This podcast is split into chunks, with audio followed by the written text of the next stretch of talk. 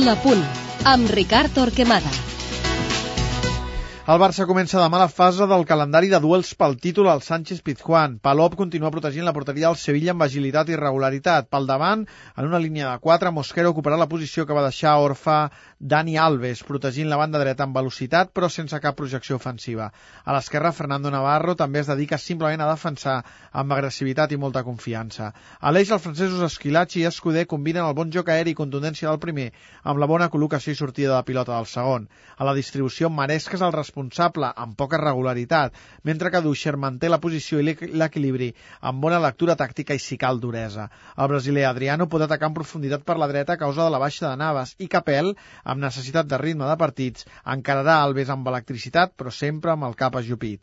Al davant, Canut i Luis Fabiano baixaran passades llargues en el joc directe i tindran preparada la rematada per quan la pilota caigui a l'àrea. Un equip que es fa immens a casa serà el primer gran examen pel líder de la Lliga, el primer d'una sèrie de quatre.